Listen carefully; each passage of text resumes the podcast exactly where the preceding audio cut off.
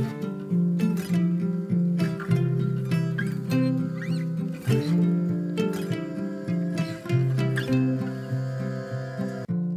och välkommen till For Health med Anna Sparre.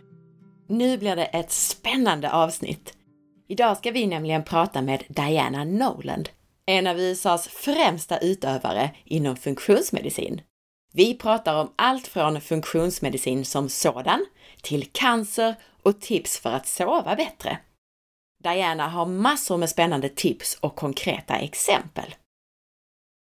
Om funktionsmedicin och hur du arbetar enligt den funktionsmedicinska matrisen lär du dig i en utbildning som den framstående funktionsmedicinaren Diana Noland håller i Stockholm den 16 till 17 september.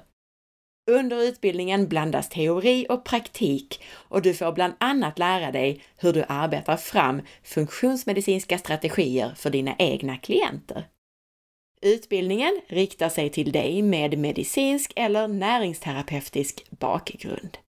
För att läsa mer och anmäla dig, klicka på länken i avsnittsinformationen till det här podcastavsnittet eller gå till alfaplus.se utbildningar eller skicka ett mejl till info alfaplus.se.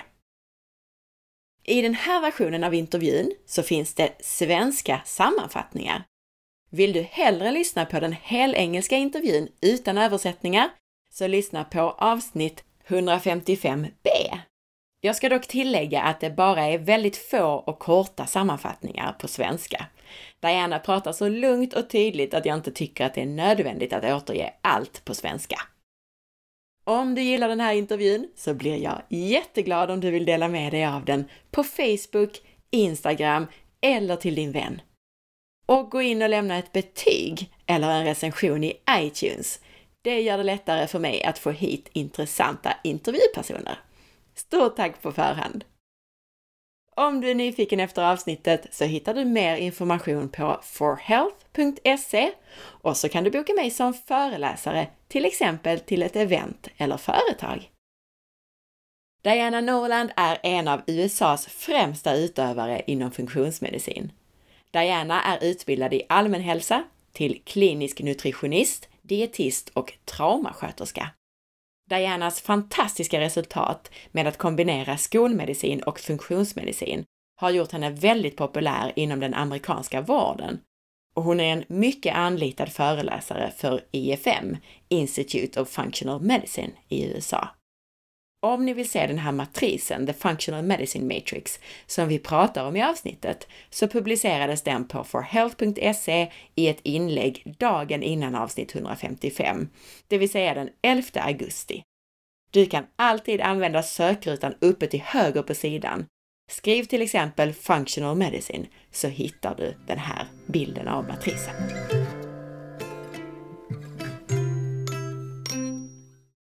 Diana Noland, welcome to the show. Thank you for having me. Although you are very well known in the States, I'm not sure if the Swedish listeners know who you are. So please let us know about yourself and how it comes that you became a functional medicine practitioner. Well, I started out as a chemistry major in in graduate school and undergraduate and I got more and more interested when I got into organic chemistry to get into what happens in the body with the chemistry of the body. And it just led me to getting a second degree in food nutrition. and my passion for that continued through graduate school and i had an opportunity to meet some of the key players in saying that food is me- is your medicine uh, adelle davis um, there were others Carl Pfeiffer. These were many years ago, 40 years ago, 50 years ago, and they really imparted to me an idea of functional medicine, even though there wasn't a name for it at the time. It was really that how powerful food is to affect your health. So I went on and, and became a dietitian and worked in hospitals. And then I also had a side private practice where I would be able to practice all this food as medicine, and and so I had the uh, I the vision of both worlds, the hospital and then you know, more of a natural approach to health. And so many years I became a nutrition support dietitian where you put nutrition through the IV or through the nose and the tube. And it really taught me a lot about the intricacies of nutrients and how it affects the body. And about 35 years ago, I met Jeffrey Bland, who many of you may have heard of. He's considered the father of functional medicine. And so I've known him for that long, and uh, I'm one of his groupies. and in the United States, we those are people that follow you around. and I, I learned so much from him. And so I continued to have that approach in all of my practice, even in the hospital. And and then uh, I had the opportunity to work for the Institute of Functional Medicine in 2007. And I worked with them for about five years and helped to fine tune their nutrition program. And then uh, from there, I went on to the University of Kansas Medical Center, and we were able to take a regular accredited dietetics program who knew nothing about functional medicine or integrative medicine. And we were able to uh, develop a track of education for dietitians and graduate nutritionists to be able to learn how to incorporate this into their practice. And it's the first existing one in the United States. And uh, it's very, become very popular. We've graduated our fifth class, and it's very popular. People are applying to that because of the integrated program. And there are other programs in the United States that are are doing that too, like Bastyr University. And so today I am editor of a textbook that is going to be the first textbook bringing in the concepts that you have to think about in medical nutrition therapy from an integrative and functional lens.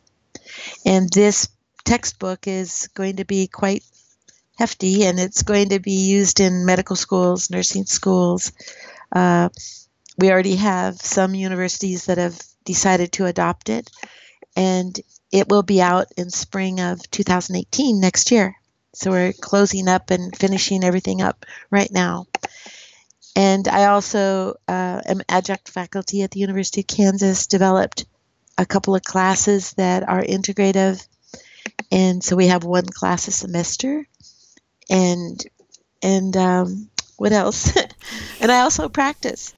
I see patients, and that is where I learn probably the most. The patients teach me so much in each individual situation. Wow, you've you've done a lot. well, I've been in a long time. But the textbook, so that's uh, with a functional medicine approach uh, in yes. the textbook, yeah. But it's it's used also in schools that are not functional medicine based. Yes, we have the opportunity, and this was one thing that drove us to create this book. Was in the United States, uh, there's an accreditation that each school of medicine has to have, and of course, schools of nursing, etc., need that too but there were some new regulations for accreditation that were put out from schools of medicine that they had to increase their nutrition education for the doctors, the students. Right. Wow. And and they and so I worked with uh, Loma Linda University a little bit on helping them develop their they had an amazing teacher there that was interested in it. But we realized that there wasn't really a textbook out there for these schools to fulfill the the fullness of what they should be doing with the nutrition education. And so we realized there was a void for this kind of instruction and so I think it's not only going to be used as a textbook for learning, it's going to be also a reference for existing practitioners that are interested in this kind of an approach. Very good news. Diana Noland berättar om hur hon kom in på funktionsmedicin. Hennes bakgrund är inom kost och nutrition och hon har ett stort intresse för kroppens kemi och hur kraftfull kosten är för hälsan. Diana har bland annat varit med och utvecklat IFMs nutritionsprogram. IFM står för Institute for Functional Medicine. Och Diana har också arbetat med utveckling av dietistprogram vid universitet i USA och hon skriver på en bok på temat näringslära och nutrition för medicinutbildningar, alltså för vårdpersonal. Most of the listeners have heard about functional medicine, and we have had functional medicine practitioners on the show. But explain what makes functional medicine unique. So, what's the difference between functional medicine and integrative or holistic medicine, for example? Actually, I think it's good to start with what's the difference between con- traditional or conventional or the standard Western type of approach to medicine, which is based on an acute care model. And then there are quite a few different communities that are I guess you would put functional medicine in that community, but there's a lot of different expressions of that. And you could be holistic, integrative, functional. So, where we see functional being more its uniqueness is because they have developed the only, that I know of, the only real disciplined architecture or infrastructure for being able to take the complexity of disease because that's the challenge is and move it into something that's organized and you can quickly come to an intervention. So knowing what to do how to treat that person.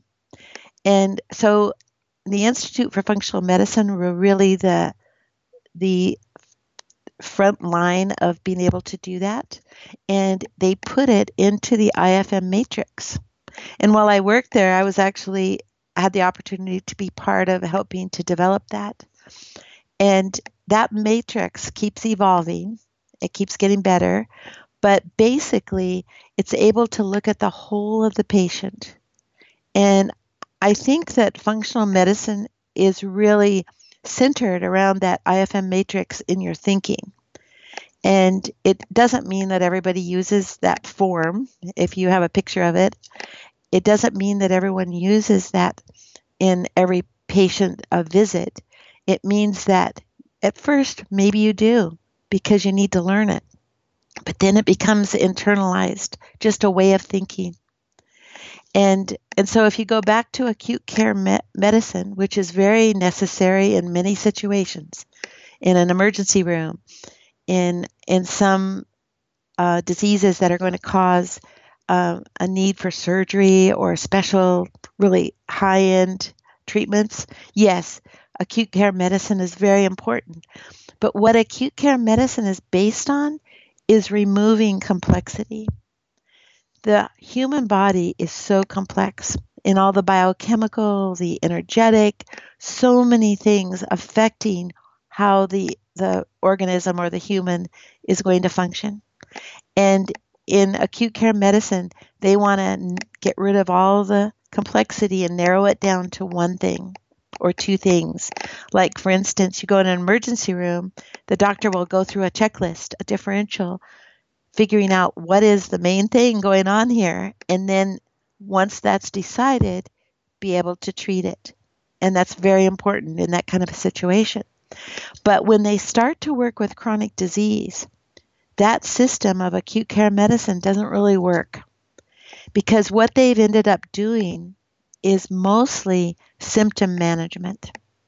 You know, squash out the symptom with a um, an an antibiotic, or which is appropriate many times, but also they uh, will get rid of inflammation by steroids, by NSAIDs, by um, you know, antihistamines and things like that. Instead of like a functional medicine approach, you would be going in and finding what's causing this.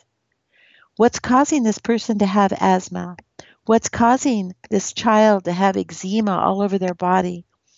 Instead of just putting cortisone cream on the skin to get rid of the symptom, you have to go deeper and find out what in their metabolism, in their environment, is causing that. I can give you an example. Yeah, that would be would great. That yeah. I, I had a patient who was a, a little uh, two year old, and the two year old, by the time I first saw her, she was on a tube feeding. And because she couldn't tolerate any food, she had esophageal uh, uh, eosinophil, um, high, I'm sorry, eosinophil esophagitis. So that is where the esophagus, where you swallow and food first goes down, that esophagus is full of inflammation, uh, sore, it can't function. So they put her on a tube feeding.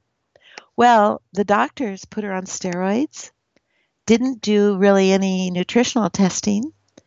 And so I worked with the gastroenterologist who was skeptical, but he was very cooperative. And we found out she was celiac, which means every time she ate wheat, it irritated that part of her gastrointestinal tract. Also, we found there was toxicity. Just incidentally, the parents tell me when I'm exploring, asking questions, was she exposed to anything environmentally? It could have been toxic. And we found out that there were ants in her bedroom. And every three months, they would have a uh, exterminator come in and spray in her bedroom pesticides and insecticides. And so uh, we did a, a, study on urine and found out she had high levels of these pesticides, insecticides, which can alter the metabolism very much. And so, anyway, we I educated the parents on how important it was not to do that, and gave them some natural ways of getting rid of the ants. and this little girl, after about six months, was able to eat food.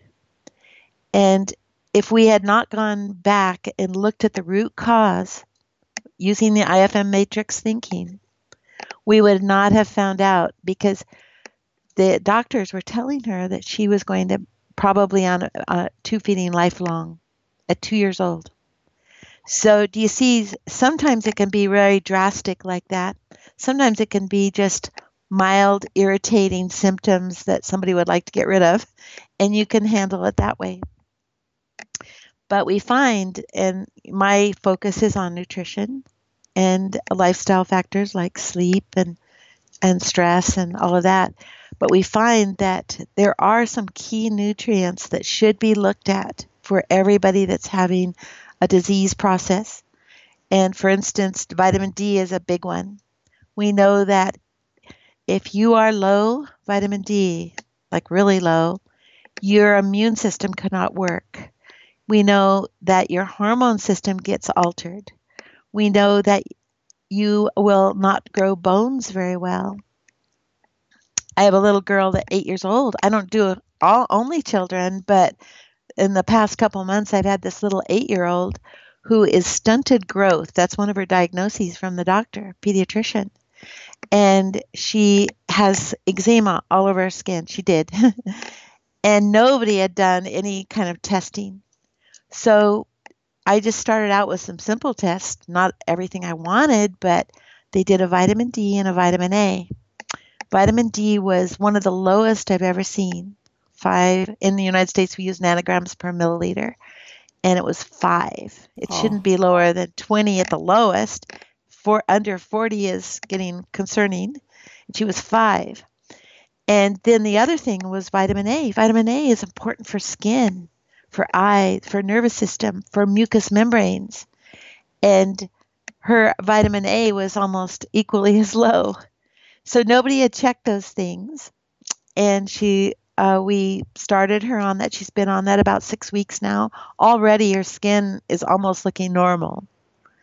And all, the only prescription that she had been given previous to that was steroid creams. So do you see how important it is that we check these things that could be a possible reason, a root cause for why the body isn't functioning correctly? Yeah, very good examples. I mean, you really explain things that you can see on the outside and that the uh, yeah. conventional medicine treat with a cream on the outside while you are treating it from the inside and out, so to speak. Exactly. And there are many other factors involved, but um, you know, s- some key things that are rate limiting. You know, you're not going to be able to get well unless you fix those. Yeah. And uh, I do work with my son, who is a naturopathic doctor, and he's also an acupuncturist and herbal medicine master. And so I get to coordinate with him with some of my patients. Um, also just a more a very serious well that the children were serious situations but um, we have a lot of cancer patients. Uh, we have um, some aids patients that were going downhill fast and now one of them is an exemplary example. He is showing viral counts that are like normal uh, you know not not a, a positive. He's feeling better. He's getting uh, more muscle. I mean, all kinds of things like that based on, you know, naturopathic or nutritional and lifestyle situations. Um, sleep is another big one. And as a nutritionist, um, it's not only nutrition, but you have to think of anything that affects nutritional status is going to be a consideration. And sleep is a huge detriment to your nutritional status if you do not sleep well. The studies have shown you need seven hours of good, straight sleep, not waking up several times a night, to be able to set the metabolism up for the next day. And so we do a lot of sleep hygiene evaluation for our patients because if we can get them to sleep, a lot of their metabolism um, imbalances can be corrected. So you mentioned a few key nutrients, or you said there are a few ones, and you mentioned vitamin D and vitamin A. What are the other first ones that you look at, the big ones, so to speak? I would say the metabolism of B vitamins. And there are several B vitamins, and they need to be in a, a beautiful, like an orchestra playing the song together.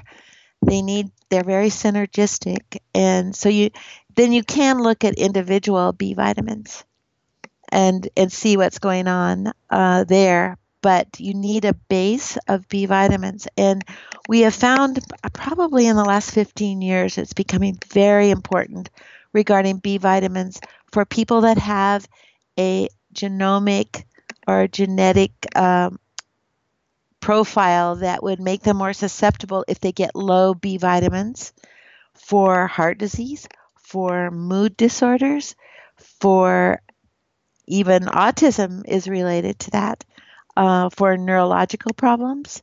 And it's all around a mechanism called methylation.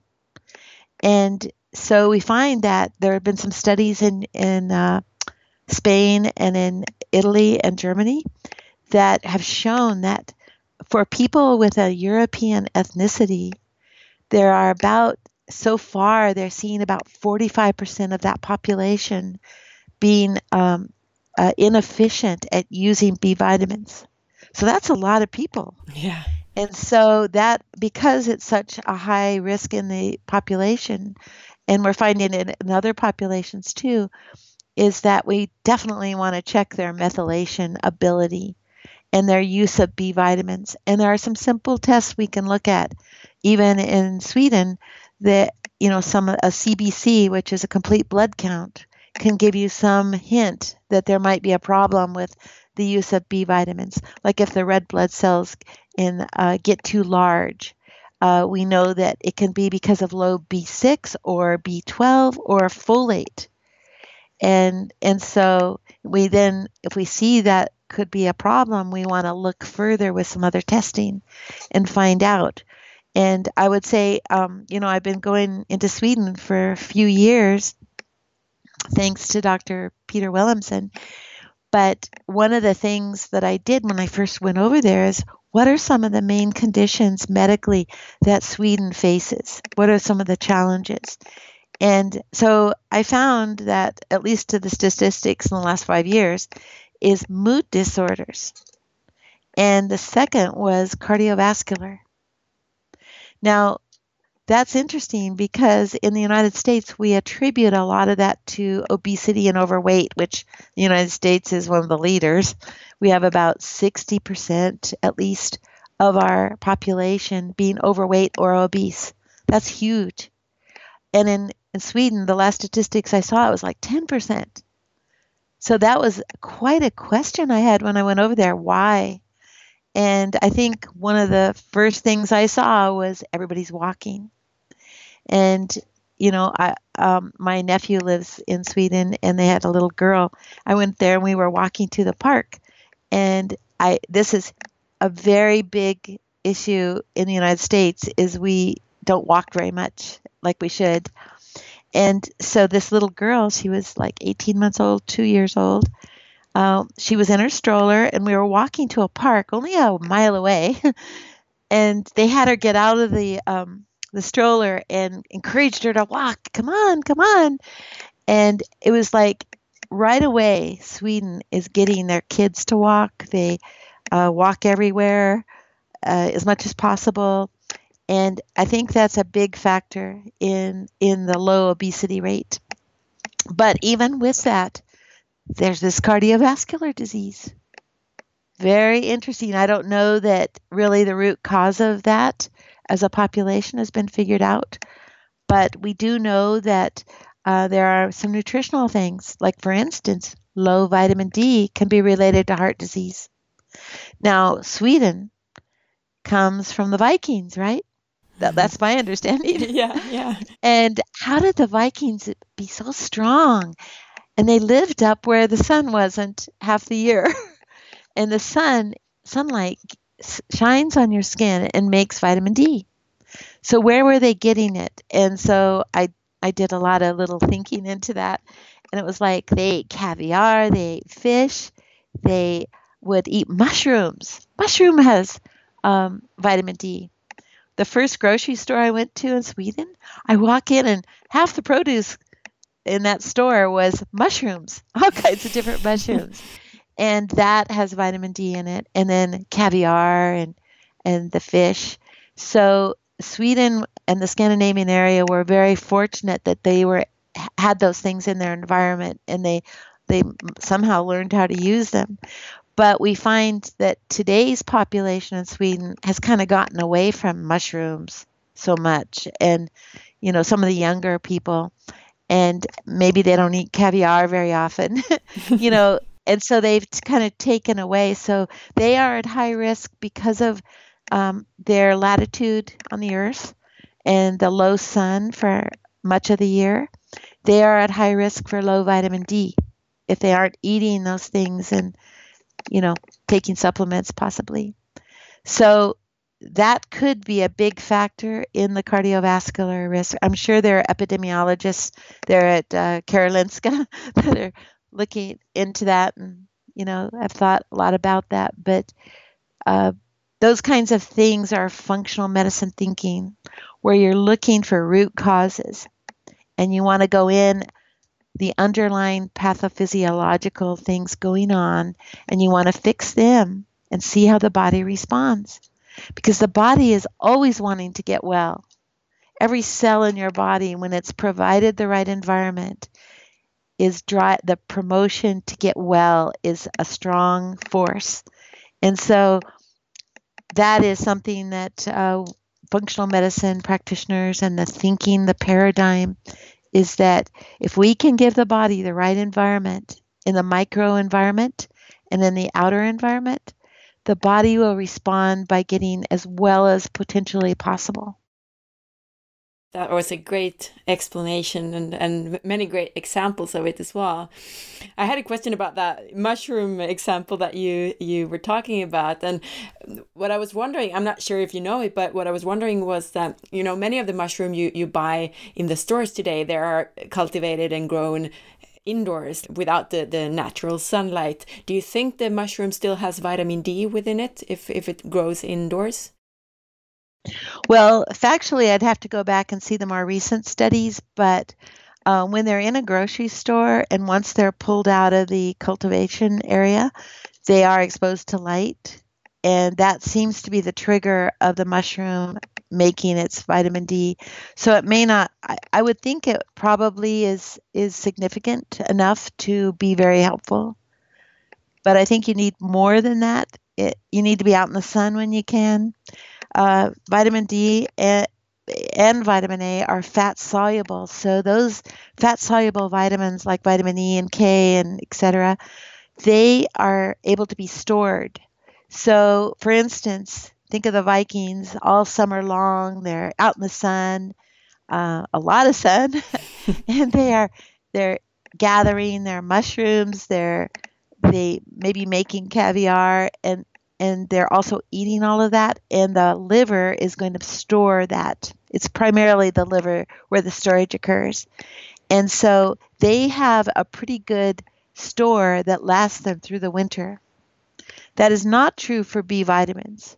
B vitamins cannot be stored very well. Any of the water soluble like vitamin c.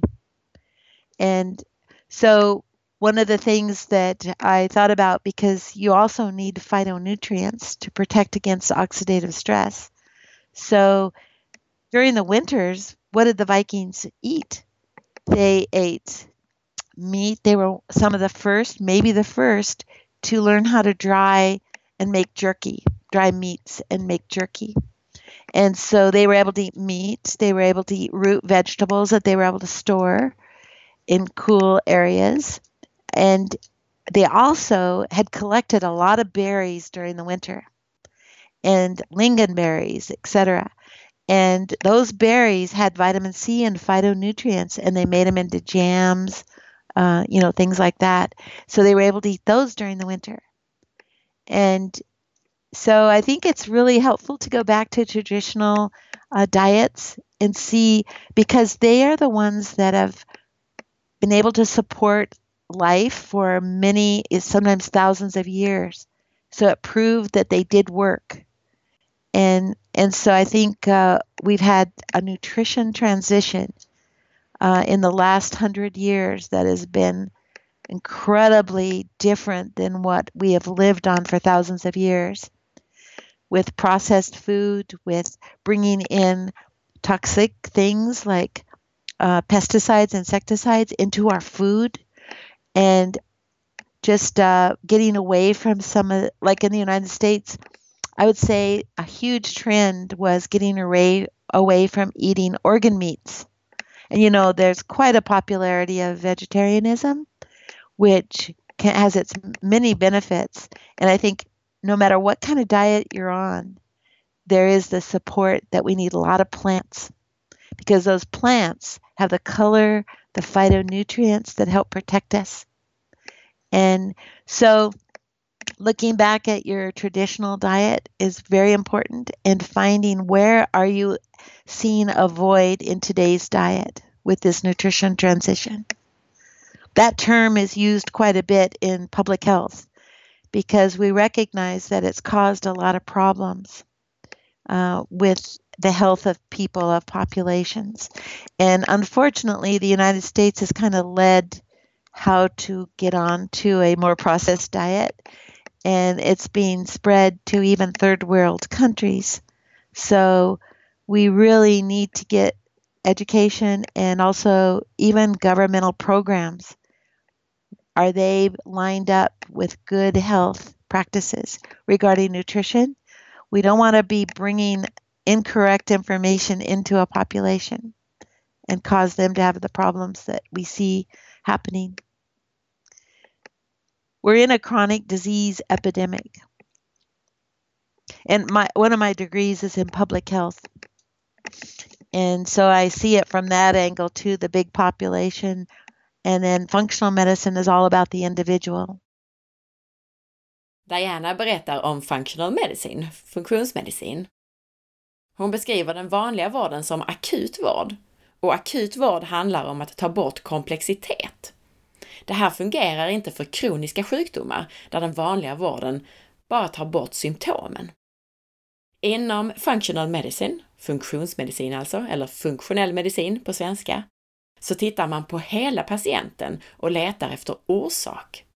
Man utgår ifrån att kroppen vill bli frisk om vi bara ger den rätt miljö. Vad som är unikt med functional medicine jämfört med andra holistiska eller integrativa metoder, det är att man har utvecklat en arkitektur eller en infrastruktur för att hantera komplexiteten av sjukdom och organisera det så att man snabbt vet hur man bör behandla en patient. Det centrala inom funktionsmedicin är det som kallas the IFM Matrix, alltså en matris eller ett ramverk för funktionsmedicin. Och jag har publicerat en bild av det här ramverket på bloggen dagen innan avsnitt 155, alltså den 11 augusti 2017. Diana beskriver också en del nyckelnäringsämnen som man alltid bör titta på hos en patient. Till exempel vitamin D, A och omsättningen av B-vitaminer och metyleringen.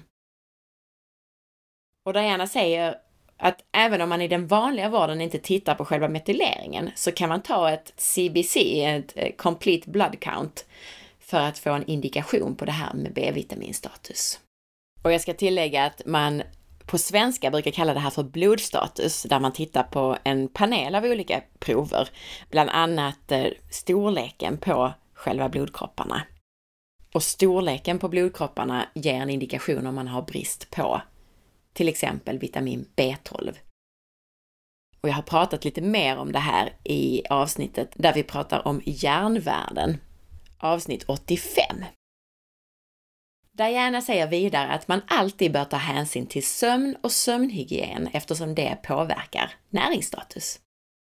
Och Diana tar upp flera fantastiska exempel där den vanliga vården inte har lyckats, men där hon med en funktionsmedicinsk approach lyckats hitta och behandla orsaken till besvären. Diana tar också upp de största hälsobesvären i Sverige, mood disorders, alltså depressioner och liknande, samt hjärt och kärlsjukdom. Och nämner att trots att man ofta förknippar hjärt och kärlsjukdom med fetma, så har vi enormt mycket hjärtsjukdom i Sverige, trots att vi inte alls har så mycket fetma som man har i USA. Hon säger att det här kan bero på andra livsstilsfaktorer som till exempel vitamin D. Alltså att vi generellt har låga D-vitaminnivåer eftersom vi inte har så mycket solljus och eftersom vi samtidigt inte äter som våra förfäder gjorde för att få i sig D-vitamin. Och Diana nämner svamp som en bra källa till D-vitamin, förutom fisk och liknande, när vi inte får tillräckligt med solljus. Vi har gjort stora förändringar i hur vi äter och vi bör titta på ursprungsdieter. Idag äter vi mer gifter, som till exempel bekämpningsmedel, och vi har kommit bort från näringsrik mat som inälvsmat och rikligt med växtdelar. So now you mentioned the functional medicine matrix a couple of times. And what we will do is that we will publish a picture of it the day before we publish this episode. So right. that if anyone wants to look at it, they can look at it. But I think, anyway, tell us about that matrix a little bit more in detail. Well, I'm very passionate about the matrix because, like I said, it's the only disciplined infrastructure to be able to see a patient as a whole and take the complexity of everything that's affecting them and bringing their health down and be able to organize it so that you know the best targeted treatment that can be begin to bring that metabolism back into line of wellness. And so when you're looking at the whole patient, you start out by what happened what happened to that patient before they came to you. They're sitting in your office, it's an initial appointment, and you need to go back and hear their story. So the term the patient's story has become quite popular. And because that may tell you, or almost for sure will tell you, how they got to the point they're at now. And so when you are looking at the patient's story, you start out by you know, even going back to in utero, their experience in utero, and sometimes even before, what was the health of the mother and the father at the conception? And so we know now that during the fetal growth of the nine months, hopefully it's nine months, is that the the environment can program that child for the rest of their life of how their body is responding. And so that's a very important time period in the diet of the mother. The also the the stress of the mother can affect the baby, and and so then uh, you know what happened all along the way. And one of the questions that can really pinpoint some of the key things that would have happened to that patient would be when was the last time you felt well? That's a very important question. And I've had adults say, as a child, and since a child, they haven't felt well. Or it might have been, I was doing great until I went on that trip to South America and I had a horrible gut infection. That's a real key. Better look what kind of pathogen or insult to their body happened during that time. And so that question is a real key to hearing the story and pinpointing and bringing into view what could be related to their condition. The other thing is what were some triggers? Uh, like, for instance, fibromyalgia. It's a lot of muscle aches and pain, but they have found that fibromyalgia, maybe more than I've seen other diseases, is really related to a trauma. It can be a biological trauma, like a bad infection. It could be an emotional trauma. It could be an injury, like they were in a bad accident. But something of a trauma set their metabolism in a, a mode that ended up with this horrible pain in their muscles, several places in the body. So that would be part of their story. Uh, you know, I felt well until I had that accident, or I felt well until I went through a, di- a horrible divorce. That would be an emotional trauma. So these are real keys on what you're going to use as your intervention. And then another thing in the patient story is going to be mediators.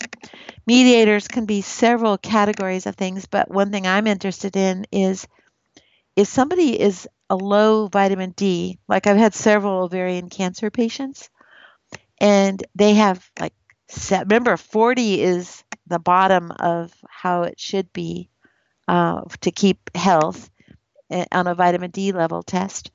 And I have had patients come in with a seven nanograms per milliliter, 11. This is extremely deficient in vitamin D. And they also, when I did their genomic testing, found that their vitamin D receptor was 7% of the population has a very inefficient use of the of the nuclear vitamin D receptor. It's on the nucleus of every cell in your body. And you you need about twice as much vitamin D to do the same job. And these people had a perfect storm low, very low vitamin D, and they were part of that 7% that had these single nucleotide polymorphisms on the vitamin D receptor that were very inefficient. So that 7 acted like a 3.5. Do you see the incredibleness? Now, were the did oncologists check their vitamin D level? No. But we've been able to uh, modulate the vitamin D level because it was a mediator. It helped produce the disease because of that lack of the vitamin D. Do you see that? So the what happened before the antecedents, then the triggers that might have happened, and the mediators. What are some of the mediators that could have been promoting that, assisting the condition? And then that's the patient's story. And then you look at the the bottom of the matrix is the lifestyle factors. And each of those are very critical. So when you're you know introducing yourself to the patient and, and becoming a partner with that patient, you want to find out how are they in sleep? How are they in exercise? How are they doing in their nutrition? How are they doing in their beliefs? How are they doing in um, relationships? We found relationships can be as powerful as what you eat because they determine what you eat. There are many studies coming out now about relationships being very eh, powerful. And the people you hang around with. if they eat bad, you you're probably going to be a much higher chance of eating bad. And and so that type of thing.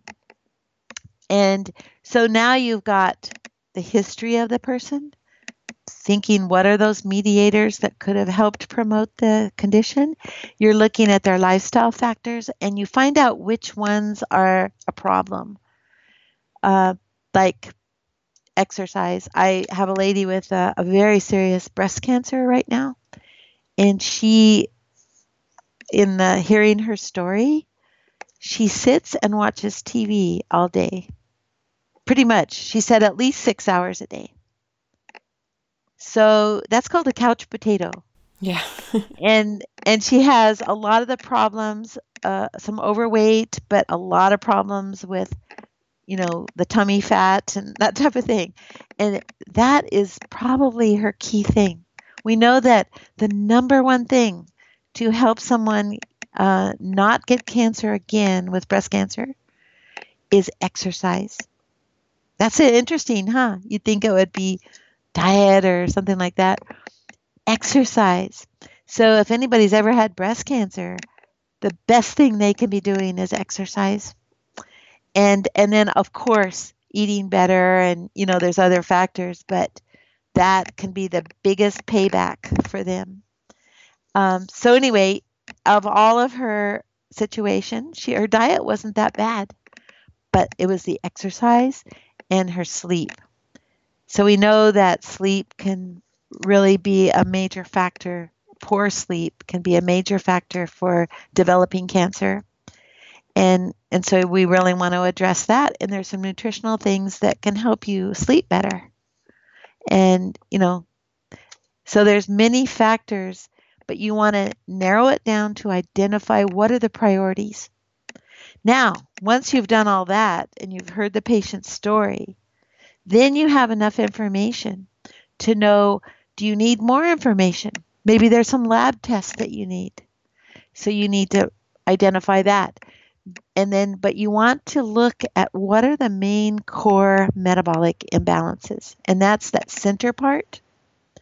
And there are seven that IFM has identified. And I think everyone's in agreement. Those are the main imbalances. And so you want to find the top one or two of those imbalances in that patient. And once you find that, then that is the key priority for your intervention, for how you're going to treat that patient. And another very important thing is is requiring monitoring.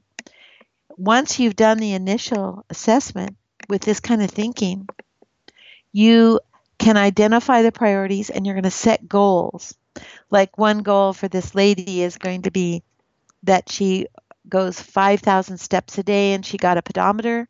She, that's going to be a big thing for her. And and so that will see some metabolic changes. We don't know everything how our body's going to respond, but we want to check it. So we want to see her in 2 weeks and see if we see changes going on that are moving the right direction. And then on the matrix, if you're looking at that, you can see in the center mind, body, and spirit. They are the central part. How we think can affect how our cells react.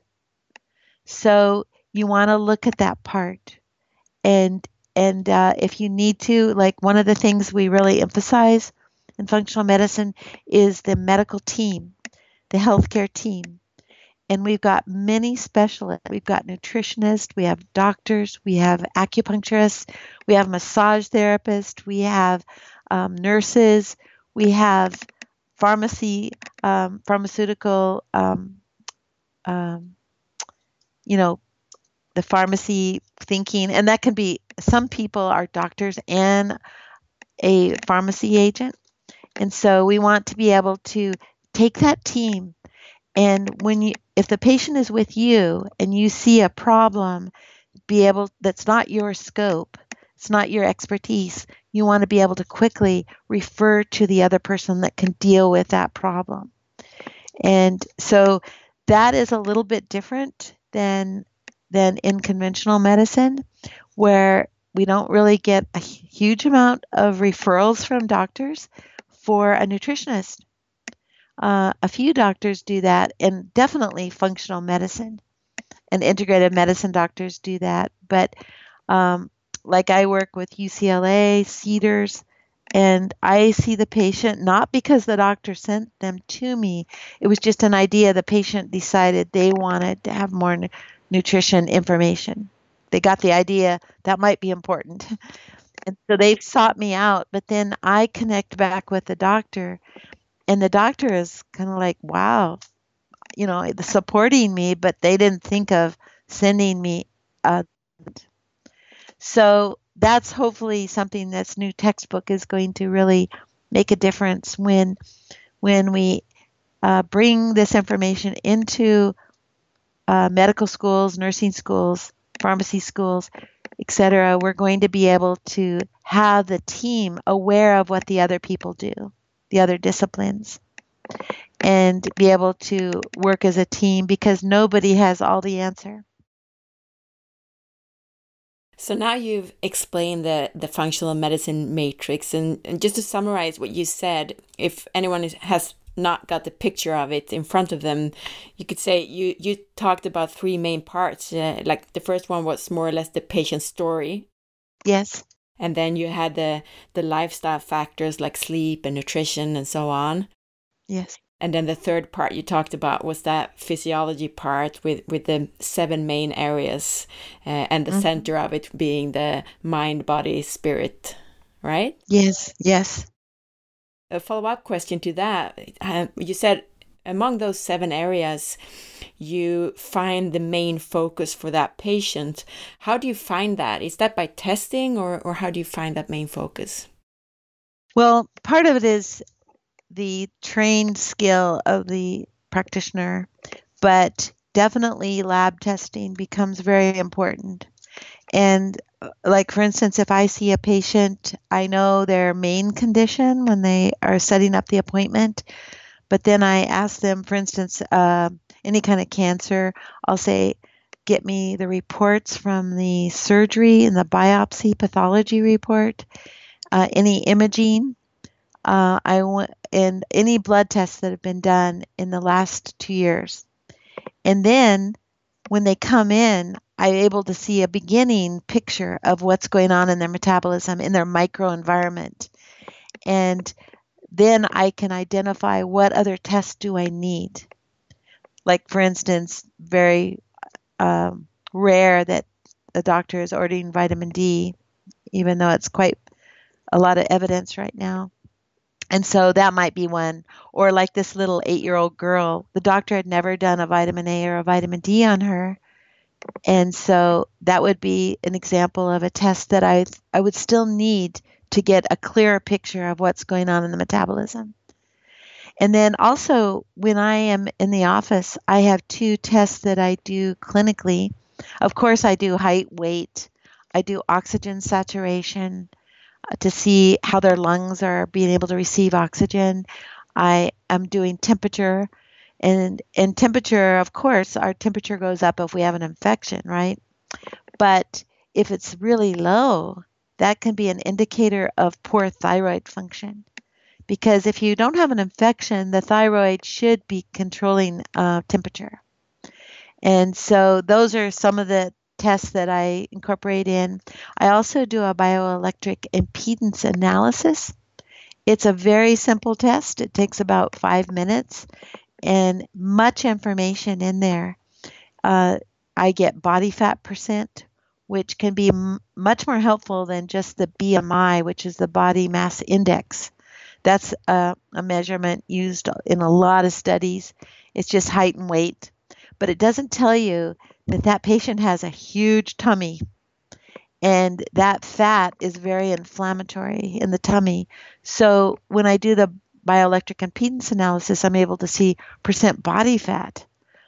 Like I have a guy that used to be 18% body fat, which is pretty good for a man, and he gained a lot of weight and went up to 30% body fat. That's very high for a man.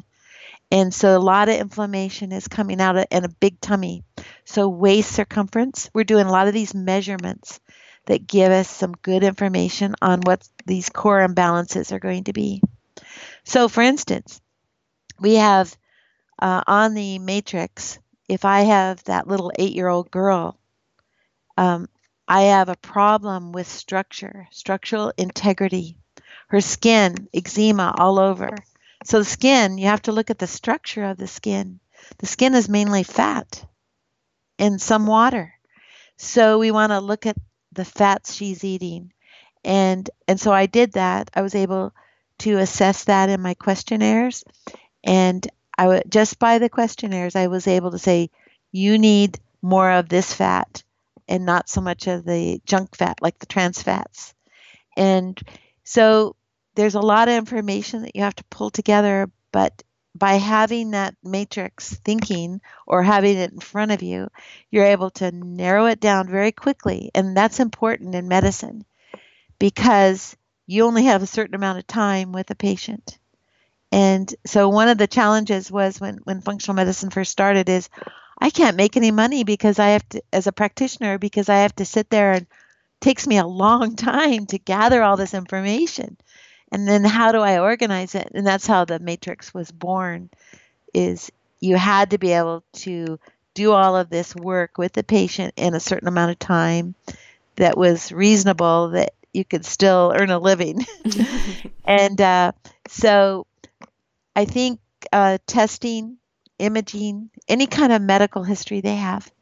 Uh, if there's gut problems or infections, we definitely want to know their travel history. We want to know their family history. Before we had geno, uh, genomic testing, which is very easy now, but before we had that, we really could only look at the person's medical history and their family history. Now, if every grandparent you have has had cancer. That's a high risk for you. What is it? Is it their environment? Is it the way they ate and they kept inheriting the way they ate? Uh, is it genomic uh, risk? So that type of thing is is now we are able to add in genomic testing to that.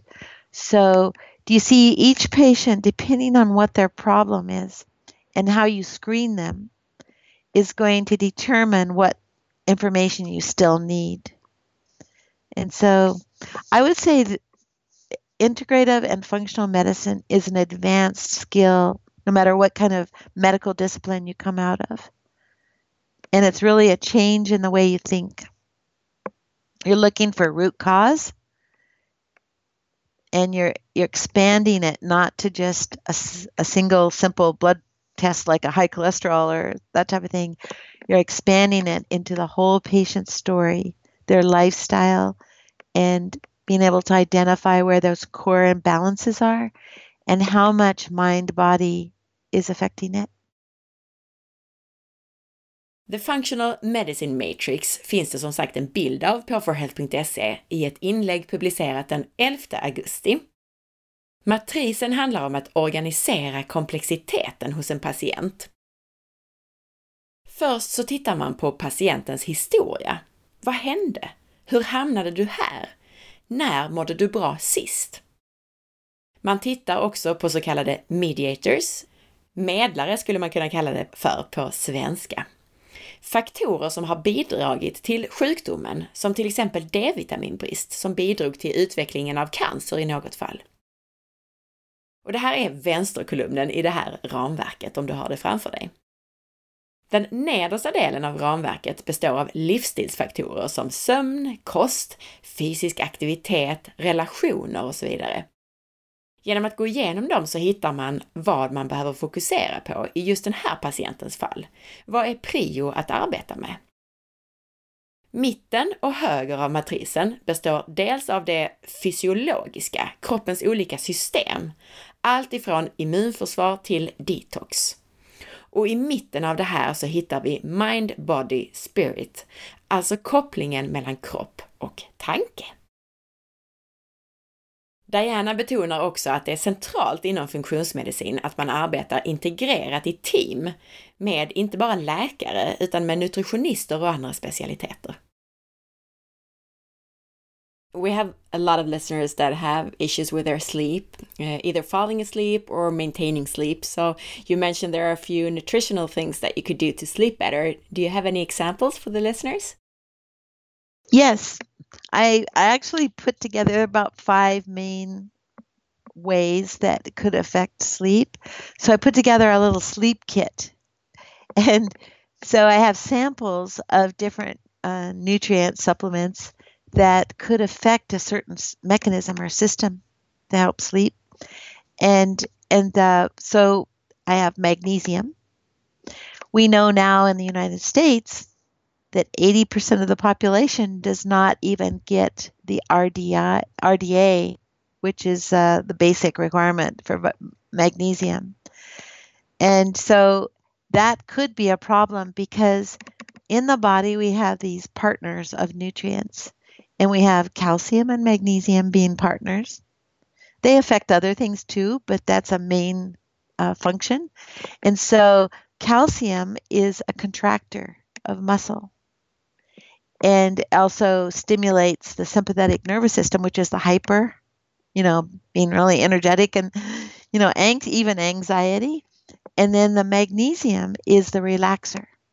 So we need to have a good balance between those two calcium contract, magnesium relax. And that should be going on, and the body able to uh, modulate that as needed.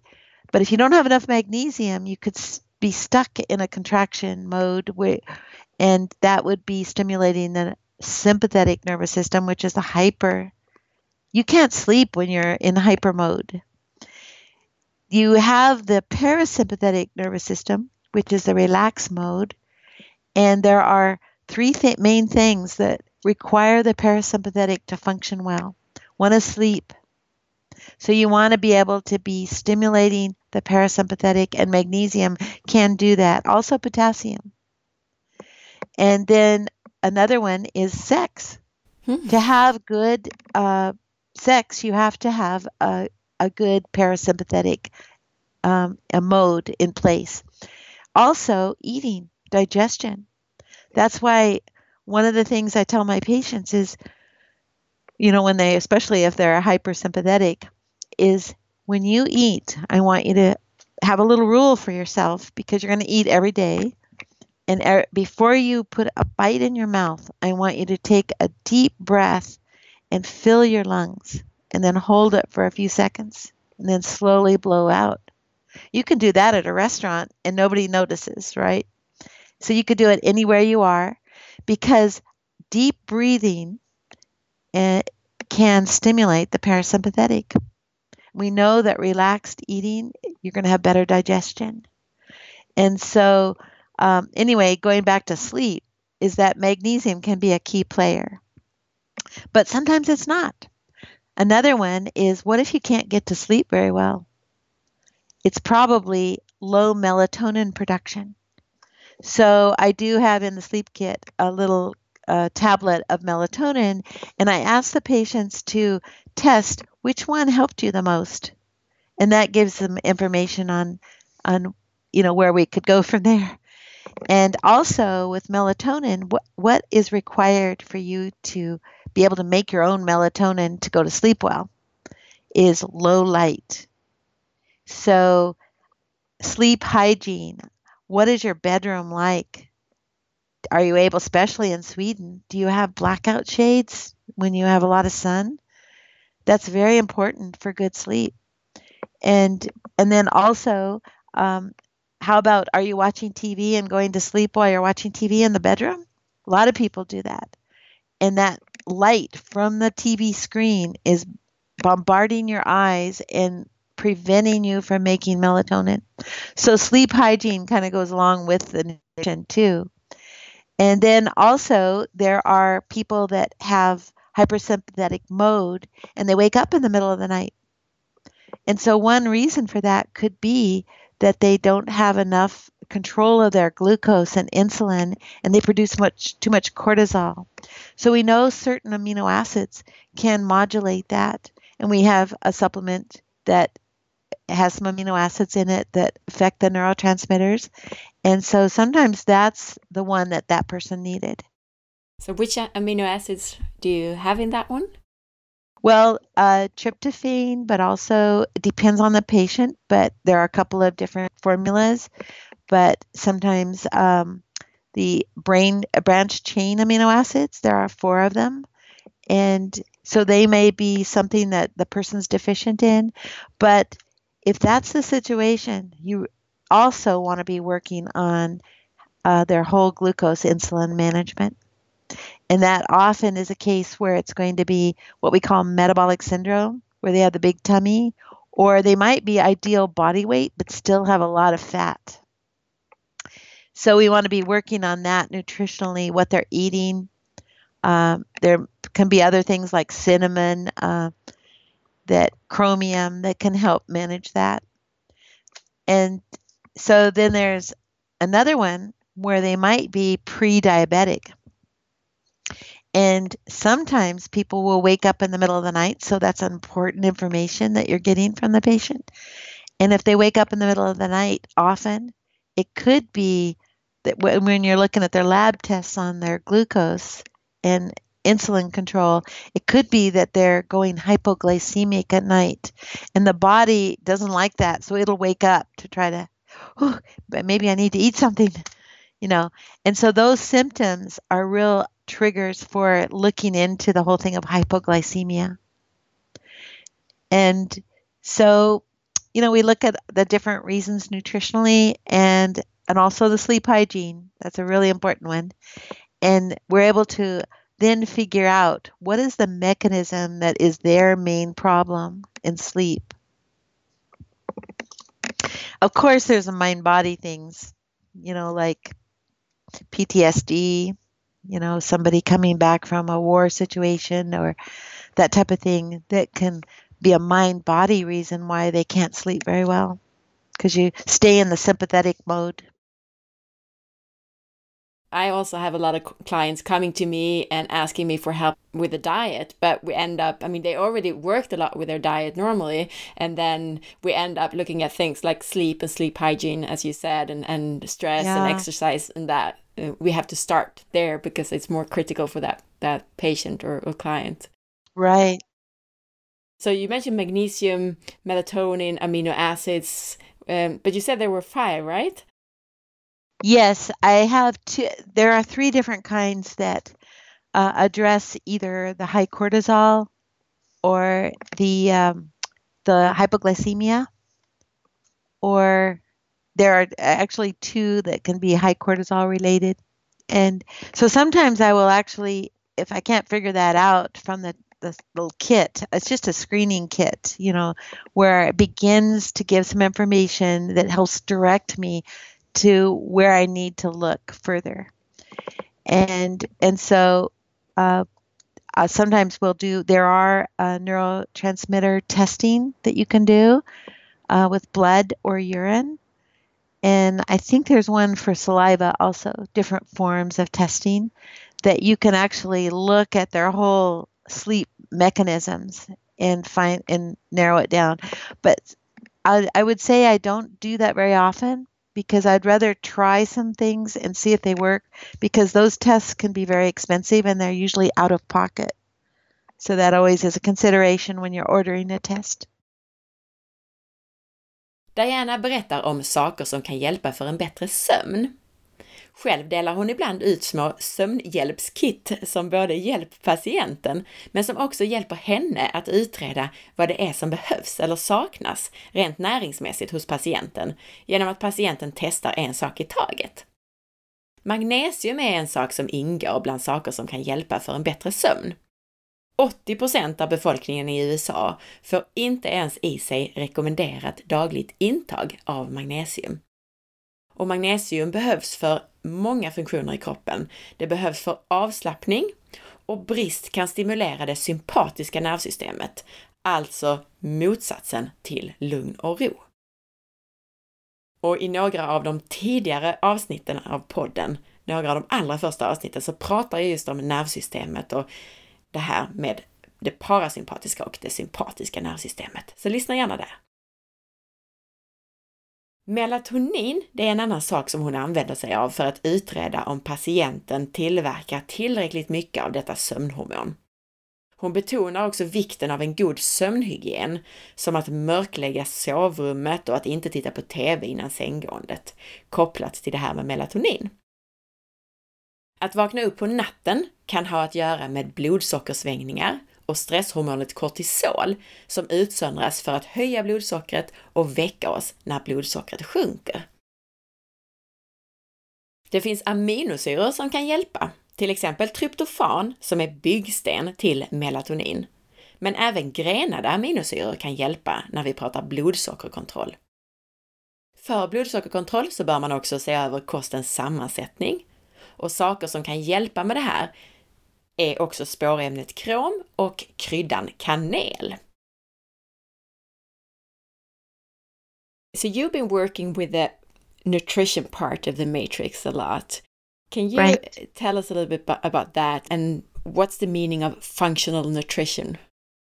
Well, I don't think anybody has a standard definition of it, but I'll give you my take on it. is um, functional nutrition is really based in biochemistry. And in this textbook, for instance, to be a, a practitioner of functional nutrition, you need to understand mechanisms. And there's a very wonderful uh, mentor to all of us, Mark Hyman. He's the chair of Institute for Functional Medicine, and he's taught us so much. But one of the things he did a TED talk, and he said, "We are going to go from currently a medicine of diagnoses we're going to go to a medicine of mechanisms. And so, in functional nutrition, no matter what your discipline is, if you're using functional nutrition, you have to understand the biochemical mechanisms in the body. And there's some real main mechanisms that you should understand inside and out. And so, I would say functional nutrition would, one of the th- aspects to it would be to be able to be a practitioner that has a skill of knowing mechanisms and knowing how to modulate them. And then the other thing would be whole food and getting away from foods that have contaminants, that have chemical molecules that can alter nutrition. For instance, endocrine disruptors are a big one. Uh, they can be from, you know, your environment, but they can be in food too. Say uh, plastics have endocrine disruptors in them. It means it's going to disrupt your endocrine system in different ways, like the thyroid system, the adrenals, the uh, sexual hormones. That is pretty serious when you have a, a an intake of those kinds of chemicals because they can be disrupting these mechanisms. So, do you see how important it is to understand the mechanisms? Because there are simple tests that we can do to know how that mechanism is off, it's altered. And and then we know how to bring the nutrition in to help bring it back to balance and restore it. So the besides whole foods, and eliminating foods that are uh, detrimental to the body. Then the other thing is knowing how to identify key nutrient imbalances and deficiencies or insufficiencies. We have an amazing mentors in this, like Bruce Ames out of San Francisco. He's uh, been in the business for 50 years, but he was able to identify the the body will have problems long term if you consistently have an insufficient amount of a nutrient or several nutrients. And then there's Robert Heaney out of Creighton University in Omaha. Oh, I've learned so much from him in identifying that chronic disease is about long term insufficiencies. And so understanding these principles and putting them into action. You want to use isolated nutrients, supplements as needed. You don't want the person on them forever. You are using those mainly to for two reasons. One is to correct metabolism. You also are using it in conjunction with whole food and so, as a person begins a program like that, they're bringing their metabolism back into balance. But there's another reason. We can also now identify genomic um, susceptibility. And it means that, like that B vitamin situation, if somebody has a certain uh, SNP or single nucleotide polymorphism, easy to test, is we are able to know that maybe lifelong they need to make sure they get a certain nutrient more than the average person. And vitamin D would be a situation. Like for myself, I have one, you can have two SNPs for each gene. And I have one for a vitamin D receptor. That means I my body is about 30% inefficient at using vitamin D. So I need to bump up my exposure to sun, safe sun, and or take a supplement to and reach a little bit higher level in my blood level. For me to be able to have the same function as somebody that has like my husband, he has totally normal vitamin D receptor. So he's very efficient at using vitamin D. And so I need more vitamin D than he does. So being able to do interventions with whole foods and targeted nutrients is going to be based on that whole picture of the patient and and you need to have the skill of knowing how to to bring it all into a very simple program that's quite a challenge. Yeah. And because that complexity can overwhelm you when you first see it. And then to be able to use the matrix thinking to be able to bring it into oh i know what to do. I know where to aim my my intervention to have the most effect. Many of the listeners are actually working as health consultants uh, primarily with diet and nutrition. So, just to summarize what you just said, actually, what value has functional medicine knowledge for a diet and nutrition uh, consultant? I would say that nutrition is a powerful component to restoring any individual to wellness. And to be able to use that type of nutritional approach uh, at that depth is going to be very powerful to change someone's outcome. What would be a typical approach to a new client if you were a dietitian working with a functional medicine framework? How would you start? Well, I've been through a lot of evolution of coming to this point, but you have a certain amount of time.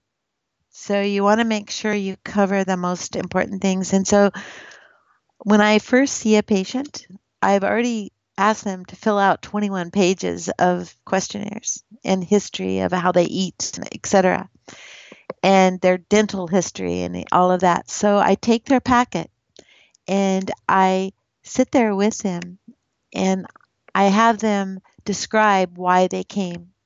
This is the first time they've seen me because I want to know what their main focus is. What are their objectives for this? And once I know that, then I've established a relationship with them. Then I said, okay, what we're going to do next is we're going to do some tests and get all of your information on the table and find out where there are root causes for this situation and also what are we going to do about it that could be the most powerful for you.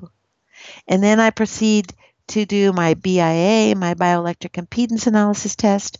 Um, I've weighed them, get their height, uh, do their OXAT, do their temp, and I'm able to put that on the table and able to then uh, do a skin exam and I look at their face. So the physical exam, it can be very quick. I've shaken their hand so I know the temperature of their hand, but also their actual measurement of their temperature. And I can see, like, for instance, in the face, you can see a lot of allergies by the dark circles under the eyes. Um, if they have puffy under the eyes, sometimes I see that on news reporters on TV, is that you want to look at their kidney, their elimination through the kidney system. And then they might have a real puffy face. And um, so that could mean thyroid because it's called myxedema. So you definitely want to be looking at, at the whole physical. How about their skin? Do they have skin tags, which could mean glucose insulin problems? and if their skin is rough or dry, that type of thing, or do they have a lot of little uh, keratosis that would be like beginning of a process towards skin cancer? Um, you know, so you're looking at that whole thing. You're you're doing a waist circumference to find out their waist measurement, and that could be a really important measurement when you set your goals.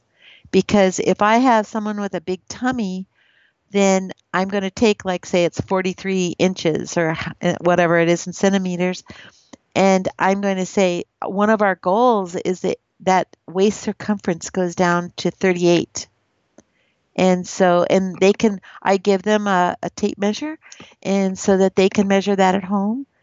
And that's one way they can uh, help partner in monitoring themselves. Uh, and there are several other little tests i might be giving them to do or i might do in the office. And and depending on their situation but then we're going to go through their labs if they have labs and or their medical history. And part of the functional medicine is that you are going through all this data then and then you're going to explain to them their story and how you see the where the alterations in their metabolism became a problem and how we can move it to back to balance and that's a very important communication to the patient in functional medicine. And then you're going to set the goals and you're going to give them a nutrition program and lifestyle program, like maybe sleep hygiene is a major factor for them. And and so you're going to develop a program for them and give them the information. I have food lists. Sometimes I customize them for the patient. Um, and also decide what further information do we need? And you can give them some homework of things to read about their situation. Uh, I even do some visuals that I give them, uh, like their cells. There's a picture of the cell that's very helpful. And I've gone through it with them, showing where their dysfunction is. And and then also homework to go get further tests. Of course, you're always trying to keep the cost down, so I prefer to try to have them go to their primary physician first to request any further testing. Sometimes that works, sometimes it doesn't. But if it doesn't, then I we have the sub plan is that they would come back to our office and they'd have to cash pay uh, for a test. So then I send them on their way, but I I always have like a a week or two after they've started the program I want them to send me an email reporting t- to me how they're doing eh, or if they have any questions. And I want to find out is this program that was an educated guess, is it actually making a change in their metabolism and their, their symptoms? I'm just going to clarify because I'm pretty sure when you said the, the waist measurement, it wasn't in centimeters, which we normally use in Sweden, but it was in right, inches, right? Right. right. Yeah, I would I would have to sit there and convert it. yeah, I'll do translations as well for the okay. episode, so so I'll, I'll make sure I'll translate it. Okay. Functional nutrition handlar om att förstå kroppens mekanismer. Det handlar om whole foods, alltså rena råvaror som är oprocessade och utan kemikalier. Det handlar om att identifiera näringsmässiga obalanser. Och det handlar om att identifiera genetisk känslighet. När Diana först träffar en patient så tittar hon bland annat på huden och andra saker som man kan se på utsidan av kroppen och som kan ge ledtrådar om vad problemet är. Därefter så tittar hon på den medicinska bakgrunden och testresultat. Hon förklarar för patienten hur metabolismen har kommit ur balans och hur de ska göra för att få tillbaka den i balans. Och sen sätter de upp mål och tittar på kost och livsstilsprogram.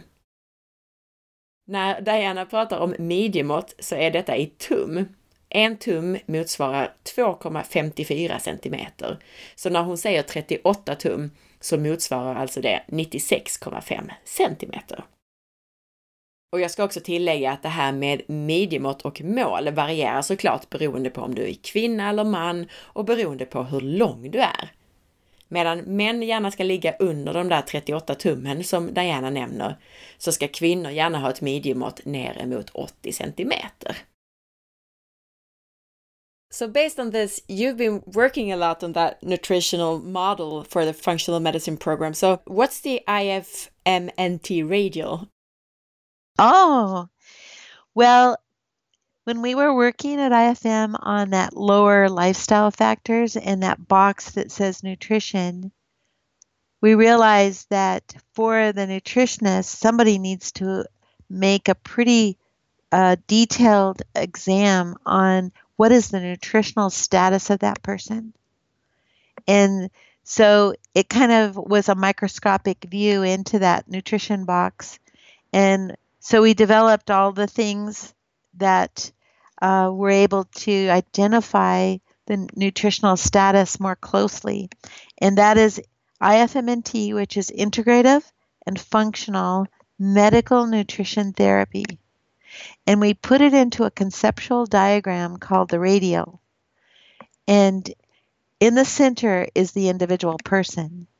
And in the center is the process is called ADIME and it's first you assess the person.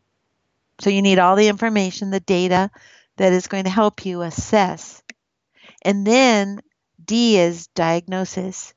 And in nutrition and dietetics, we use nutritional diagnoses. And there are actually several standard ones, but basically what you're doing there in integrative and functional medicine is you're finding what are the priorities metabolically that need to change for that person. And that's diagnosis. Then from that information of the assessment and de- defining a priority, you're able to develop an intervention, which is the I. Then M is very important that once you've started that intervention, you need to monitor it and evaluate for two things. You're monitoring the goals that you set at the initial appointment, but you're also evaluating if there were any new factors that arrived since you last saw the person. Maybe they were in a car accident. Maybe they got the flu. Or, you know, there could have been something that happened after they saw you. And so you need to update your goals. So that's the center of that. And around it, you've got all of the different factors and the processes and the, the considerations. And there are several of them there. Uh, you can see like for one, on the right, it's symptoms, signs and symptoms. And that's very important as you're seeing what their complaints are. That's even more than a diagnosis. You uh, definitely want to consider their diagnoses, maybe diabetes, maybe breast cancer, but you also want to look at their symptoms. And because that narrows down which system is having the most problem. Then around the radial are influences to the nutritional status that you need to consider. And one is environmental toxins. They can really wreak havoc in metabolism. The other is genetic. You need to understand, if, if possible, what the genotype of that person is. Another one, do they have allergies or intolerances? Because that can increase inflammation if they keep eating something that they're intolerant to or they keep getting exposed to a pollen that is a tree that's growing outside their bedroom window and that pollen is causing inflammation and intolerance. And then the other is the emotional the beliefs. Is there something going on that is causing like like i said ptsd is a big one any kind of experience where there was a major trauma that shocked their body that can be driving some problems in the metabolism. So that kind of covers the whole thing. And some of it you can see overlaps with the IFM matrix.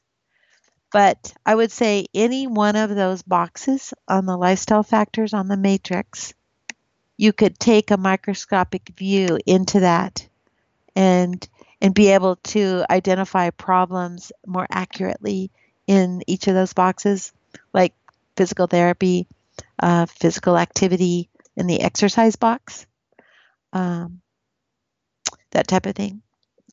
Does that explain how the IFMNT radial Very is well. is really a microscopic view into how you identify nutritional status.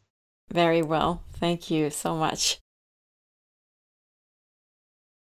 Det ramverk som vi kallar för IFMNT Radial kan ni också se i samma inlägg som funktionsmedicinsmatrisen, alltså på forhealth.se den 11 augusti. Det här ramverket är en djupare blick in i den ruta i IFM Matrix som har med kost och näring att göra. Alltså om vi fördjupar oss på bara en enda ruta. I mitten av den här, det här ramverket då, det här som kallas för IFMNT Radial, så hittar vi A-D-I-M-E. A står för Assessment, alltså att utvärdera. D står för Diagnosis, alltså att ställa diagnos. I står för Intervention, alltså behandling. M för Monitoring, alltså att övervaka och följa upp. Och E står för Evaluation, att utvärdera hur det gått och om nya saker uppkommit. Runt om det här så hittar vi saker att ta hänsyn till, såsom symptom hos patienten och utanför allt det här saker som påverkar, som gifter, genetik och så vidare. You mentioned before that a lot of the clients that come to you are uh, cancer patients. Yes. Is there any very common cause that, or any common thing that you see in those patients? In general, what's the cause and, and how do you treat them? Well, I don't know if anybody knows exactly uh, a generic cause that would apply to everybody because I think there's really individual causes. And I think that was a good example of the ovarian cancer being, um, you know, related to vitamin D levels. In fact, all cancer is related to a higher risk of developing a cancer if you have low vitamin D. And then if you have a genomic weakness in that area, that can even make it worse, a bigger risk. So we always check, but there were two doctors in two, the year 2000 that I they said, you know what, the way we're treating cancer is we're trying to kill the cancer cells, chemo, radiation, and then surgery or debulking or trying to get the the main mass out, right? So those are the three main ways. Even conventional oncology still works. Uh, the newer kid on the block is immunotherapy, where they're more targeting mechanisms, which is interesting.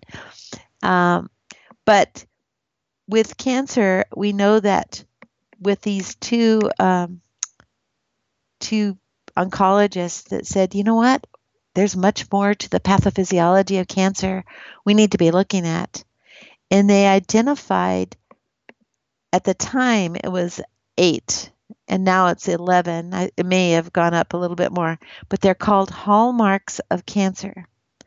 And so at the time in 2000, nobody really listened to them in oncology except the pharmaceutical companies. And that's how they ended up developing immunotherapy.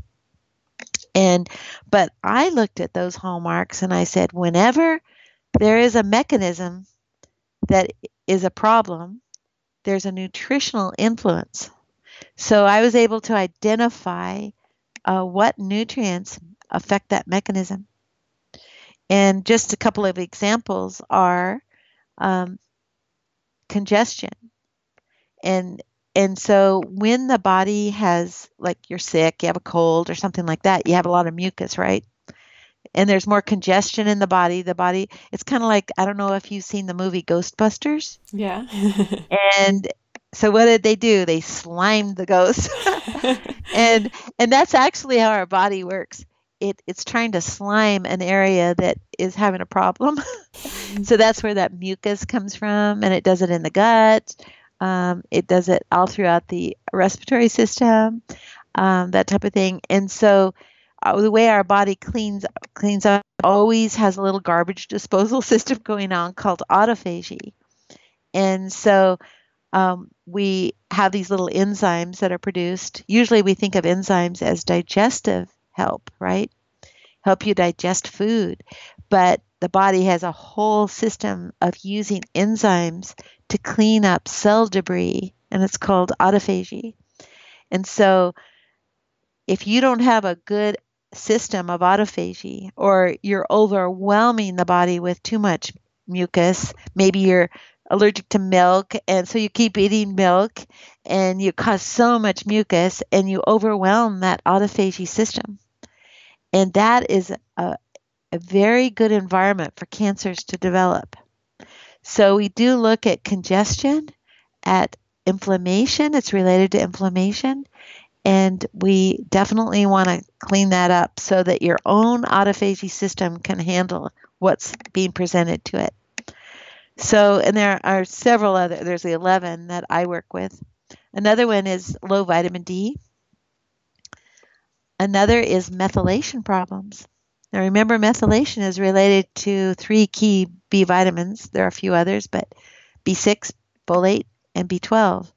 And so, if somebody has a problem methylating, it can affect the mitochondria uh, system, genomic system.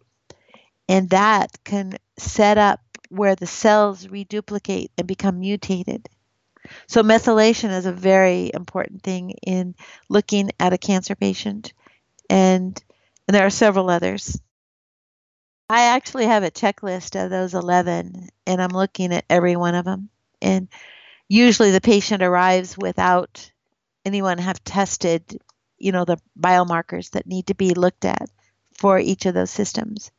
And so I'm able to refer, you know, recommendations for the labs, or if the doctor won't do them, then we have them done through our office.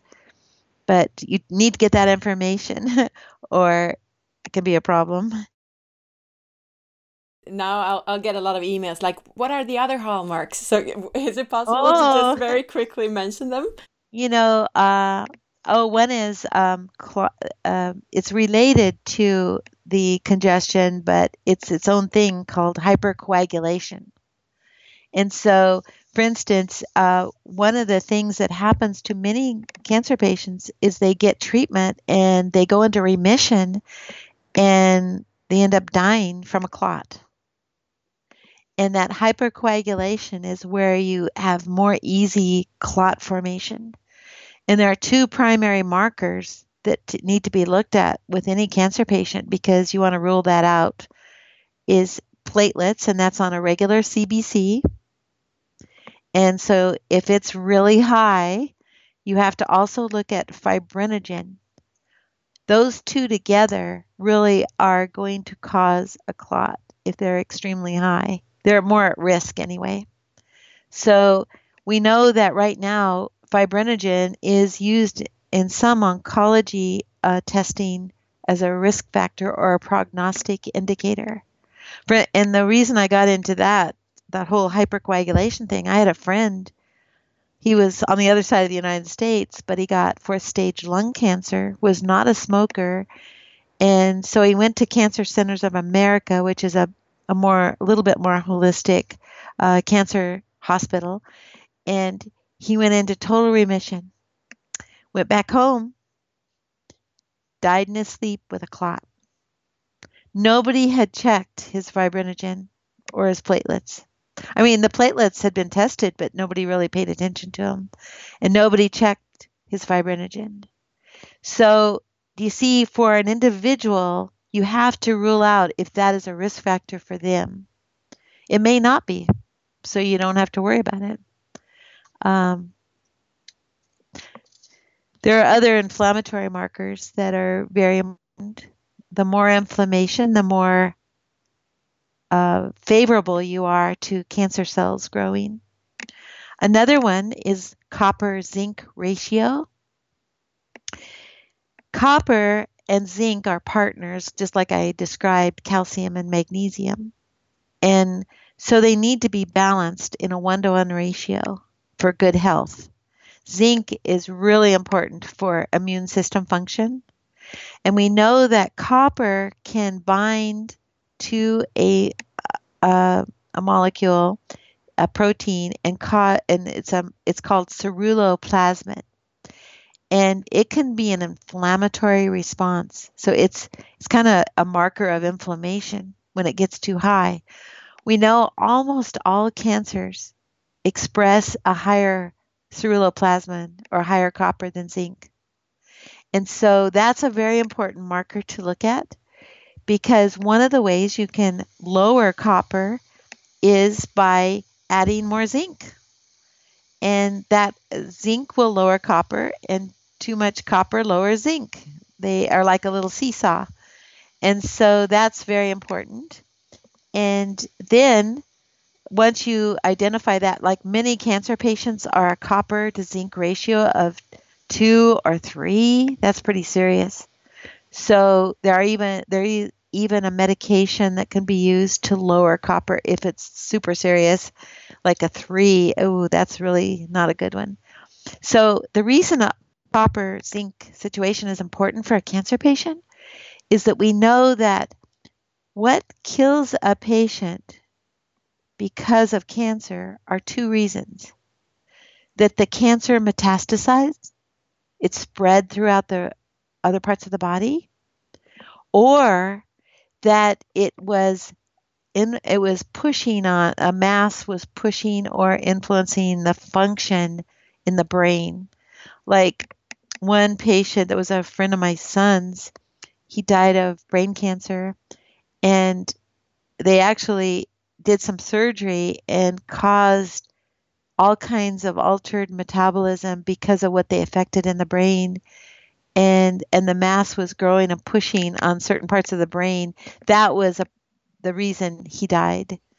And so going back to metastasis that's the biggest reason is when it spreads. And i'm sure everybody's been familiar with that is that copper is a rate limiting molecule to allow the enzymes that produce metastasis.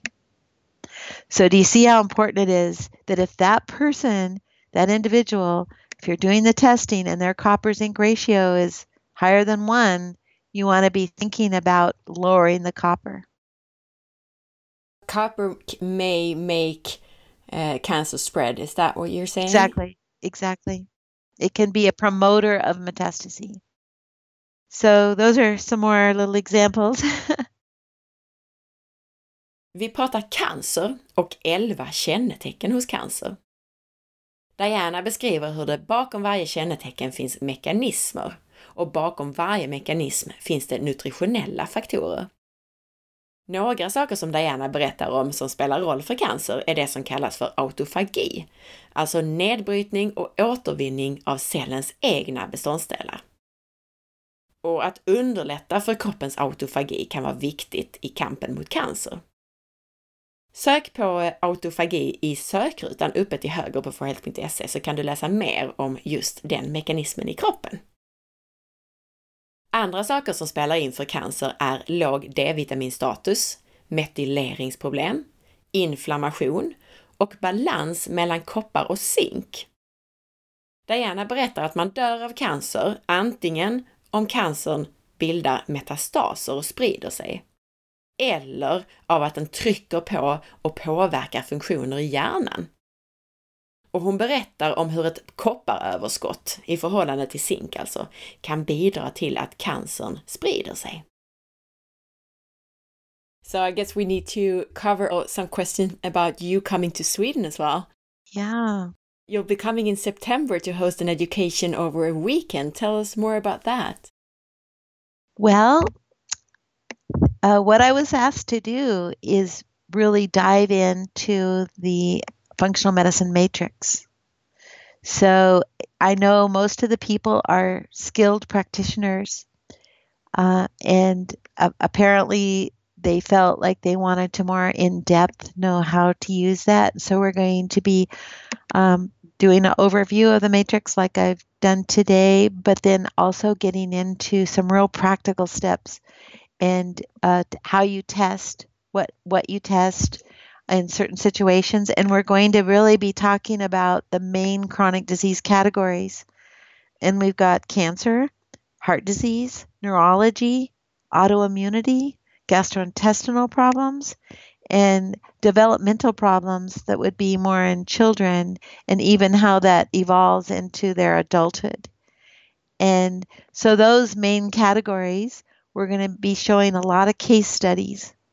And we want everyone that attends to be able to walk out of there feeling like they have a deeper skill in being able to think the functional medicine matrix. And we have quite a few uh, handouts that could be helpful. People can decide or they can customize them for their practice. Um, so I think that's the big overview of what we'll be covering. Sounds great. And who should attend uh, the course? I would say, even myself, it never hurts to hear.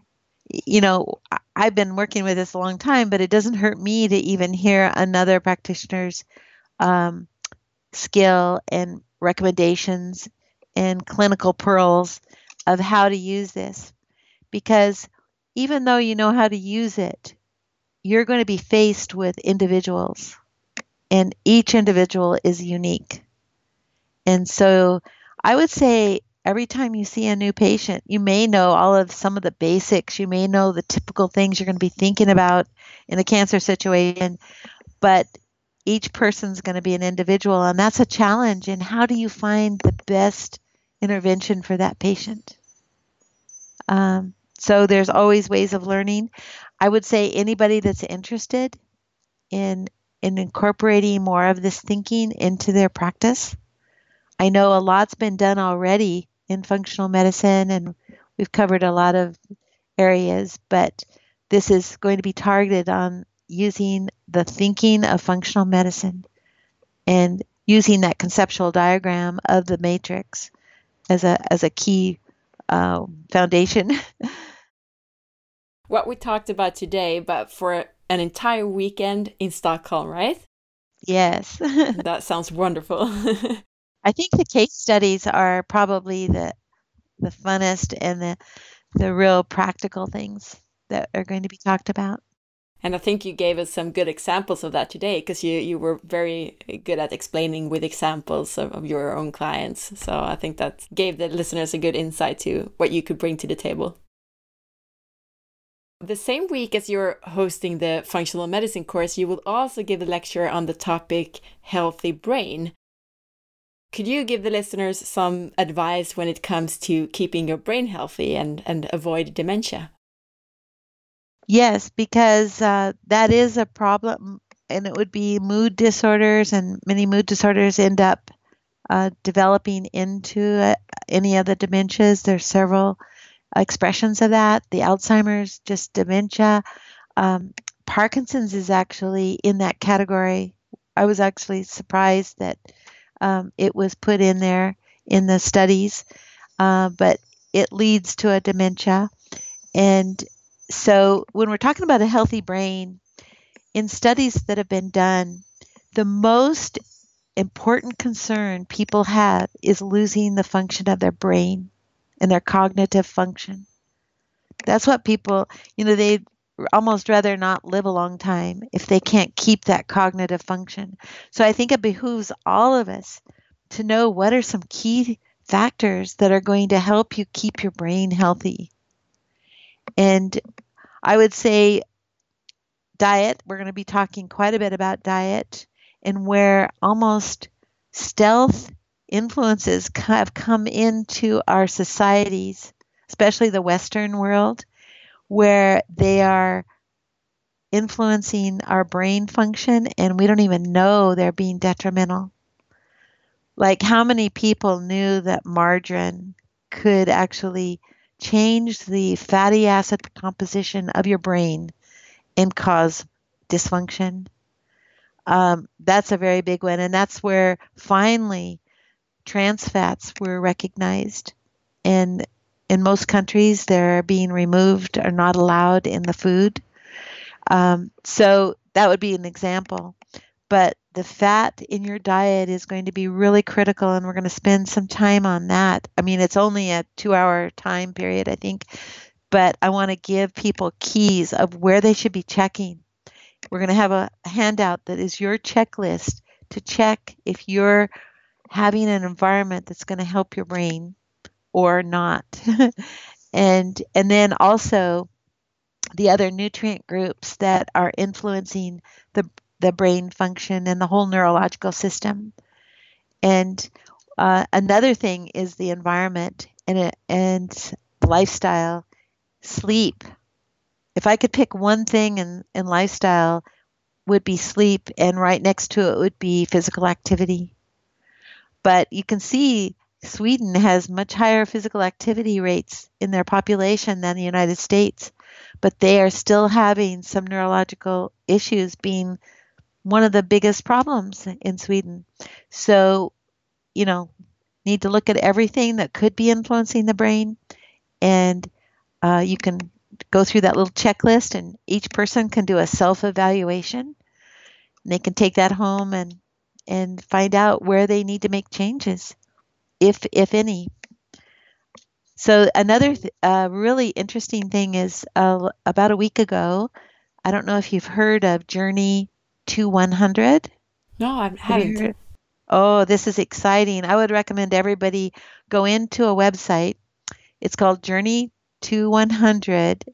I would just search that because there's a funny ending to it, dot something. And and uh, it's in Guernsey. Uh, it's an island off the UK. And that community is the first community that's decided as a community to make changes so that their average lifespan is 100. Wow. That's pretty bold goal. yeah. yeah. So, but what's so exciting is James Maskell, who started the evolution of medicine, he put this together with the people of Guernsey, and they had this big uh, conference about a week ago. And so James put everything onto a website, and it's free you can go there and listen to the lectures. And they are incredible. Each one addresses a different aspect. Uh, like um, Michael Ash out of England does about the soil. The soil is so important. Uh, then uh, Damien Downing out of London does this whole thing about fats in your brain. So that would be a good one to listen to. But there are about there are two days worth. So there are about 20 different lectures, but you can go ahead and choose each lecture you'd be interested in. But I would really recommend that. Yeah, that was a great tip. I will definitely go and have a look at that. We had Michael Ash actually on the podcast earlier oh, this year. Great. Yeah. So this uh, lecture that you will be holding about the healthy brain will also be in Stockholm and the same week as the other yes other course. A Thursday evening. I can also tell the listeners that you can register for that lecture the same way you register for the other course, so to to Alpha Plus. Great. If the listeners want to know more about you and your work, do you have a website or anywhere else where they could go? Well, it's not a real fancy website, but you can go to our clinic, which is www.sequoiamedicine, S E Q U O I A medicine.com and in there go to uh, Dr. Noland is my son, and he's the main one on there. But then if you go to clinicians, you can go in there, and I'm on there, and it goes into a, a further website for me. And that textbook you were talking about in the beginning is that a book that will be available for the for the public? No, it doesn't print until uh, I think it's February of next year. So we're right now doing the final editing um, and getting it to the publisher, who is Springer. Uh, they're out of England, but they're a big publisher for medical books and journals. And they are estimating that they will be print ready to sell around March or April of next year. But we do have a book that I think um, Dr. Williams Wilhelmsson is asking me to bring some copies, and it's a, a book we put together for the University of Kansas Medical Center as a curriculum development guide. Now, that's one thing it's about, but it's how we develop the integrative track in the dietetic program, which is now the most popular, I think, in dietetics. and but also in there is lot of information about functional medicine and nutrition. And it also uh, has a, a website you can go to and download like 50 some handouts that are usable in a practice. So I think we're going to have some of those books available. So what's and the they've already been it? published. It's called Dietetics and Integrative Medicine, and it's for sale on Amazon. It's very reasonable. Anything else that you would like to add or anything you think we missed talking about today? No, I just am excited about coming and seeing everybody, a lot of old friends. And we're going to make sure that it's information as people are signing up. We want to make sure that it's information that is meeting what their objectives for coming to the meeting are going to be. Diana Nolan kommer till Sverige. Hon håller en kurs om funktionsmedicin och det här ramverket som vi har pratat om idag under en helg i september. Hon kommer att djupdyka i The Functional Medicine Matrix och prata om praktiska saker som hur och vad man ska testa hos en patient. Hon kommer att prata om olika sjukdomar och fokusera mycket på praktiska patientfall, case studies. Diana kommer också att hålla en separat kvällsföreläsning på torsdagen samma vecka om hjärnans hälsa. Och redan nu så ger hon några tips för din hjärna. Hon nämner fetternas betydelse och faran med transfetter och margariner. Hon nämner betydelsen av sömn och fysisk aktivitet för hjärnans hälsa. Diana och hennes klinik hittar du via www.sequoiamedicine.com S-E-Q-U-O-I-A medicine.com Thank you so much, Diana, for all this information and for, for taking the time to answer all my questions. Thank you, Anna.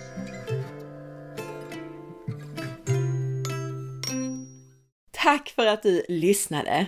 Jag hoppas att du gillade den här intervjun lika mycket som jag. Gjorde du det, så dela med dig av avsnittet. Dela på Facebook, tipsa en vän och sprid så att fler får ta del av den här spännande och viktiga informationen om hur kroppen fungerar. Jag blir också jätteglad om du vill lämna en recension i iTunes eftersom det hjälper andra lyssnare att hitta hit.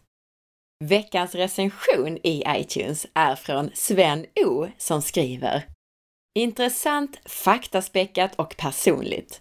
Anna Sparre lyckas med konststycket att presentera mycket fakta om kost och hälsa på ett intressant, lättförståeligt och personligt sätt.